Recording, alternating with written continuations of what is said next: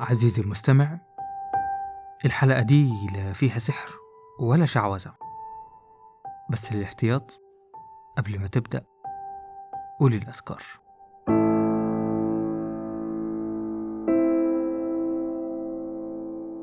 أهلا بكم. أنا عبد الله محمد وهذا البودكاست مليء بالعشوائية.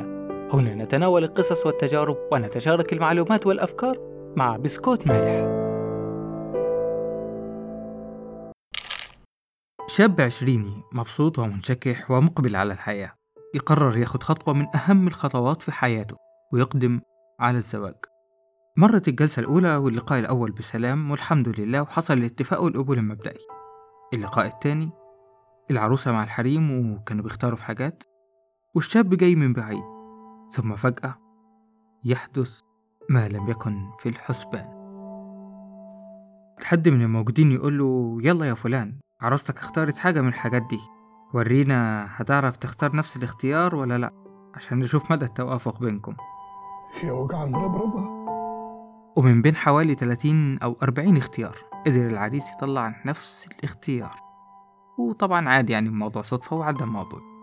بعد فترة واحد تاني أعرفه راح يخطب ثم بدأ يحكي لي على مواقف زي دي مر بيها اللي فيها مدى التوافق اللي حصل وبيحصل ما بينهم في الأفكار. وطبعا أكيد صدفة وعادي. بعدها بفترة واحد تالت ونفس الموضوع برضه. باختلاف التفاصيل طبعا في كل حالة ولكن الفكرة الرئيسية اتنين ما يعرفوش بعض. فجأة يبقى بينهم علاقة وتلاقيهم بقوا بيفكروا وبيتكلموا زي بعض بالظبط. ومتأكد إننا لو فتحنا مجال للمتزوجين أو مقبلين على المرحلة دي هنسمع قصص وتجارب كتير قريبة من كده. معقولة يكون كل دول بيحصل لهم صدفة؟ ولا ممكن يكون في حاجة بتحصل أو تواصل بطريقة ما بتتم بآلية حتى هم نفسهم مش عارفينها؟ هل ممكن تكون مثلا في حاجة خارقة للطبيعة أو فوق مستوى إدراكنا البشري بتحصل؟ لا لا لا لا لا. الموضوع كده شكله كبير ومحتاج كوباية شاي عشان نعرف ندردش كده على روقان. لو سمعت الحلقة التانية من بودكاست التوأم هتلاقيهم كانوا بيتكلموا عن حاجات زي كده بتحصل بينهم ومعاهم كتوائم. فكرة إنهم ممكن يتواصلوا مع بعض أو يحسوا ببعض من غير ما يكون في بينهم تواصل مادي فعلي. ولو ما سمعتش الحلقة هتلاقيها في الوصف تحت. وهنا ممكن تقولي ده لأنهم توائم. فممكن يحصل ده بينهم عادي. لكن اللي حصل في أمريكا ما كانش عادي. مذيع أمريكي مشهور. بعد ما رجع لبيته بالليل وهو خلاص داخل ينام. سمع حد بيستنجد بيه. سأل زوجته سمعتي حاجة؟ قالت لأ ولكن أصر إنه سمع حاجة وقرر إنه ينزل الشارع ويشوف في إيه. فضل يمشي في الشوارع ويبعد عن بيته ويمشي في تقاطعات وشوارع بيختارها وكأنه عارف بالضبط هو رايح فين. وفعلا لقى حادث ولما تدخل عشان ينقذ الناس طلع اللي في الحادث ده هو أقرب أصدقائه. القصة دي أشعلت فضول العلماء وفضلوا يبحثوا ويدرسوا الموضوع ده وإزاي ممكن يحصل فعلا تواصل أو نداء من غير ما يكون في تواصل فعلي مباشر.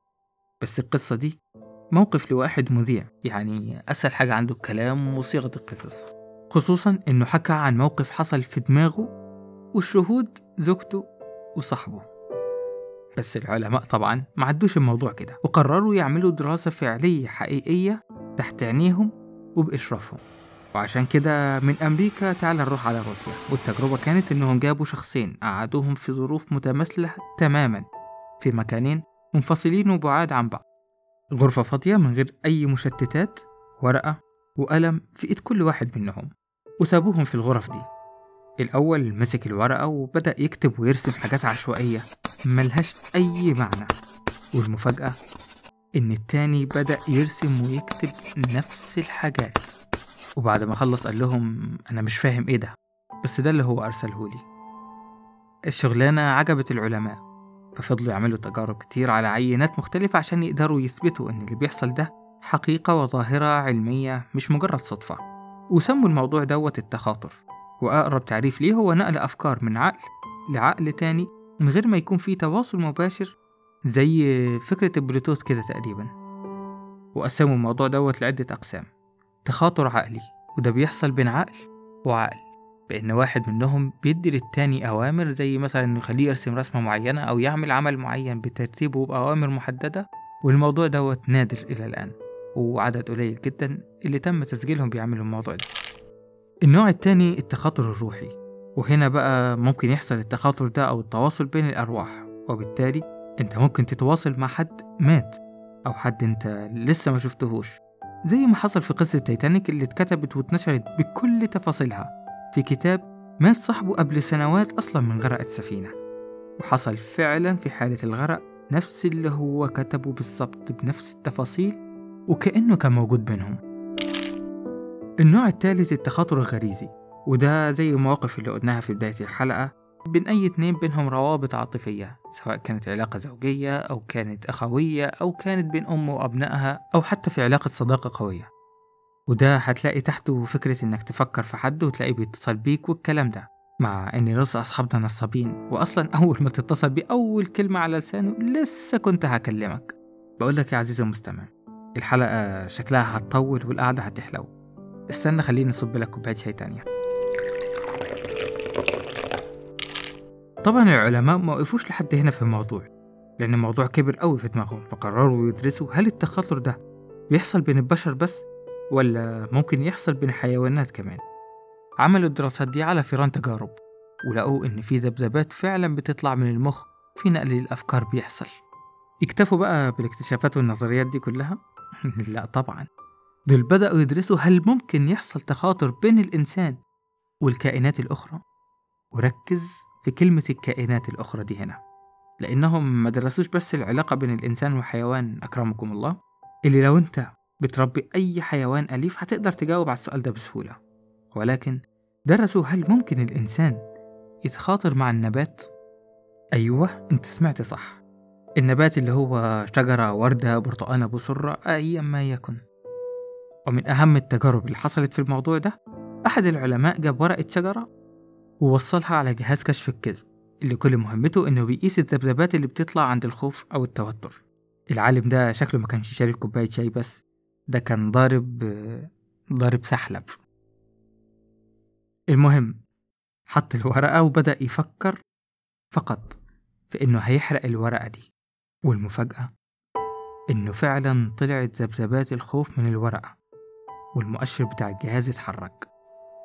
وشكلها حتى الورقة كانت شاربة سحلب معاه طبعا مش بس أنا اللي اتريقت لأن حتى العلماء في وقتها فضلوا يتريقوا عليه.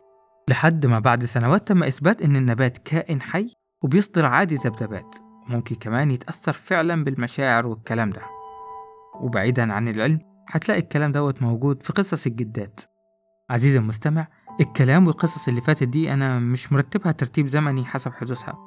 ولكن حاولت أعمل لك تسلسل بسيط كده نمشي بيه ونتنقل فيه مع بعض في الحلقة.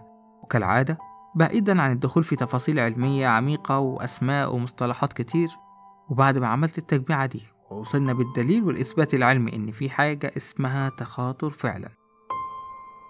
أحب أقولك إن في كتاب اسمه الطفرات العلمية الزائفة. هتلاقيه بينفي كل الكلام والتجارب اللي فاتت دي تقريبا. وحتى في تجارب أنا ما جبتهاش ولا اتكلمت عنها. وبيتكلم عن كمية التزييف والخدع اللي حصلت وبتحصل خصوصا في المجال ده. وطبعا بعض المجالات العلمية التانية. أنا محتار ليه؟ ليه؟ احترت. عارف يا صديقي؟ وأنا كمان احترت. خصوصا إن العلماء نفسهم محتارين ما بين مؤيدين ومكذبين وناس طلعوا في النص يعملوا أي مصلحة. هتلاقيهم بيعملوا كورسات كيف تخاطر حبيبك وإزاي تقنعي جوزك إنه يخرجك بالتخاطر.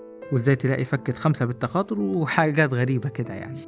بص عزيزي المستمع سيبك من كل اللي فات ده. وتعالى خلينا نتكلم مع بعض كلمتين ننهي بيهم الحلقة. بس أول حاجة بعد إذنك كوبايتين الشاي بتاع أمي عشان أنت عارف الكوبايات عند الأمهات خط أحمر. أنت إيه رأيك عزيزي المستمع في الموضوع ده؟ وهل لو التجارب والإثباتات ديت طلعت فعلا كذب؟ طيب إيه تفسير الحاجات اللي بتحصل معانا بشكل شبه يومي دي؟ وهل حصل لك أو بيحصل لك مواقف فيها التخاطر ده؟ طب تيجي نختم الحلقة بتجربة حلوة كده؟ عايزك تركز معايا؟ خد نفس عميق. بالراحة خالص. واحد. اتنين. تلاتة. أربعة. خمسة. دلوقتي عايزك تركز كويس في الجهاز اللي انت مشغل منه الحلقة دي. هتلاقي في زرار subscribe أو follow. جرب كده تدوس عليه.